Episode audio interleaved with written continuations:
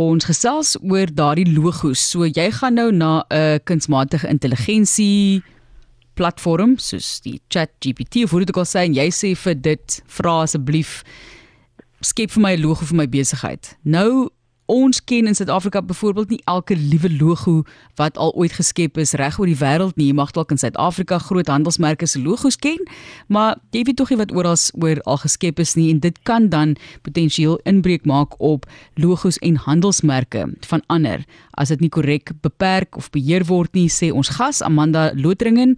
Sy is die senior bestuurder kopiereg en handelsmerkbeskerming by die Kommissie vir Maatskappy en Intellektuele Goedere en dit is die derde en laaste in 'n reeks van gesprekke op hierdie tipe van onderwerp. So maak dit sin wat ek daar gesê het Amanda dat 'n mens weet nie hoe lyk logos reg oor die wêreld nie of slagspreuke hoe dit ook al sê. Partykeer is daar maar 'n oorvleeling of iets wat baie baie naby lyk aan die een wat jy reeds het. Ja, jy het middag maar te lees en middag aan al die luister luisteraars. Jy het heeltemal reg. Jy het eintlik baie goed gestel. So ons kan ehm um, kortliks verder daaroor uitbrei en ehm um, daar is databasisse reg oor die wêreld. Suid-Afrika se databasisse word by ons kantoor gehou, die kantoor vir intellektuele goedere regregistrasie. En ehm um, so ook word alle handelsmerke wat reg oor die wêreld geregistreer word in hulle spesifieke lande rekords van gehou. En as jy nou gaan as 'n klein saakonderneming of net 'n uh, plaaslike ehm um, rokmaker en jy soek 'n interessante logo, ietsie uniek waar waar deur ons dan jou spesifieke produkte kan uitken. En jy vra nou jou rekenaar deur die kunsmatige intelligensie maak vir my iets. En hy soek deur duisende uh, voorwerpe um, op die internet en hy kom met iets vir 'n dag dan kan jy dalk um, met 'n groot probleem sit. Want jy moet seker maak dat dit wat hy mee opkom is uniek en um, 'n mens kan nie altyd dit doen nie dis 'n baie moeilike ding om seker te maak nou maar wat waar het hy hierdie inligting gekry en maak dit nie inbreuk op ander regte wat reeds geregistreer is nie ja jy's presies dit want mense dink hierdie intelligensie gaan en doen iets oorspronklik, jy weet, en tog word dit deur ander bestaande voorbeelde geleer om vir jou te gee wat dit moet gee. So dis nie noodwendig altyd oorspronklik nie, maar wat maak 'n mens nou met eienaarskap? So neem ons asseblief deur daai riglyne. Ja, maar Felicie is ook nog reg, ek het nou die dag sommer vir 'n toetsie gevra maak vir 'n interessante logo vir hardloopskoene en wat hierdie grafiese chat um rekenaar toe mee opgekom het was so na aan um die baie bekende handelsmerke wat ons elke dag mee te doen kry. So definitief daar is um maniere waar dit inbreuk gemaak word, maar wanneer jy wel opkom met 'n unieke logo, dan kom jy na ons kantoor toe en jy gaan dan op ons webtuiste en jy kyk na waar registreer jy hierdie idee van jou en dit sal onder ons handelsmerk afdeling val en jy kan ook daar gaan soek om te kyk die idee waarmee jy of dan nou die robot waar, wat jy gevra het om dit te genereer opgekom het wel uniek is in die inbreuk maak op enige ander geregistreerde handelsmerk nie.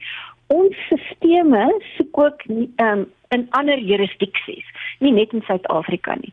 Maar as jy nou wel nie hierdie stappe neem en seker maak dat jy nie op enigiemand anders se regte inbreuk maak nie, dan kan jy met 'n groot probleem sit want dan kan dit raak aan ehm um, oortredings soos nagemaakte goedere wat so dieselfde is as geregistreerde handelsmerke en ons beskerm daardie goedere deur ons wet op nagemaakte goedere.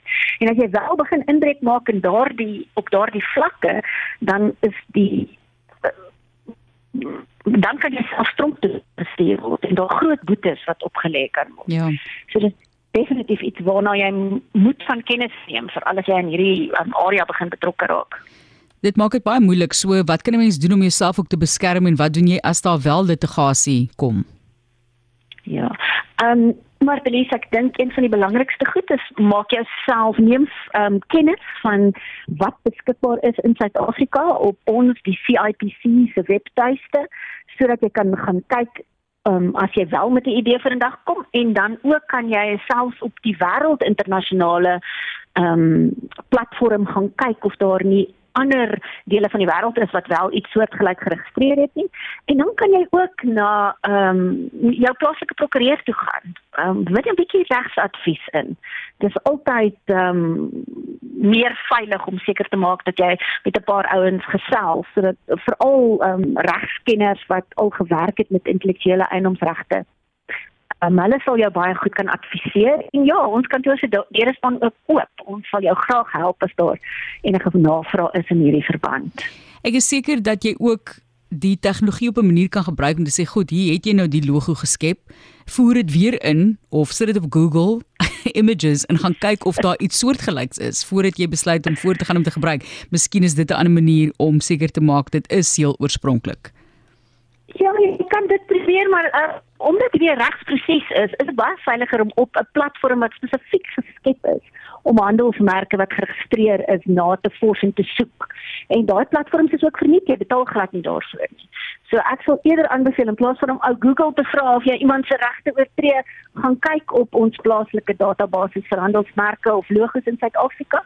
'n Ander interessante voorbeeld is um, in Suid-Afrika kan ons ook um, tema liedjies registreer. Goed. So as jy vir die rekenaar gevra het, maar kyk maak vir my 'n tema liedjie, kan jy ook seker maak dat jy weet so soortgelyke iets in Suid-Afrika onder handelsmerk wetgewing geregistreer is. Nie. Dit is 'n interessante veld hierdie, né? Dit is en dis dinge wat mense nie aan dink nie. Ek het glad nie gedink hier aan. Jy vra dan nou die ding om dit te skep en jy dink dit is oorspronklik want dit is dan nou hierdie kunsmatige intelligensie wat nou so grand moet wees en dan sit dit vir jou in die moeilikheid want jy het nie van jou kant af die moeite gedoen nie. So jy kan nie gaan sê sê o, wel ek het nie geweet nie. 'n Mens moet van jou kant af dan daardie moeite doen. In Engels praat hulle van due diligence. Ek probeer nou dink bietjie dit is net van jou kant af seker maak jou kant is skoon. Kom ons stel dit maar so. Ons sê vir jou baie ja, baie dankie. Die belangrike tema of kan ek maar sê punt na aanleiding van die drie gesprekke wat ons gehad het, soos jy sê, mens moet altyd eties optree en regskorrek optree wanneer jy werk met kunsmatige intelligensie. Absoluut, Martie. Jy slaan die spyker op die kop baie dankie. dit is altyd lekker as 'n mens dit reg kry. Amanda, baie baie dankie vir jou raad die afgelope tyd. Ons waardeer dit en ons gaan definitief nog baie by jou aanklop dink ek, want dit bly 'n ontwikkelende veld wat soos ons soos dit ons genoem het vroeër nog nie 100% beheer word nie. Baie dankie vir jou inligting vandag. Plesier Martelies, lekker middag. Dit is hier op RSG Amanda Lotringen en ons sal weer vir haar nader roep om te gesels oor hierdie netelige kwessies soos wat kunsmatige intelligensie se gebruik meer en meer uitbrei.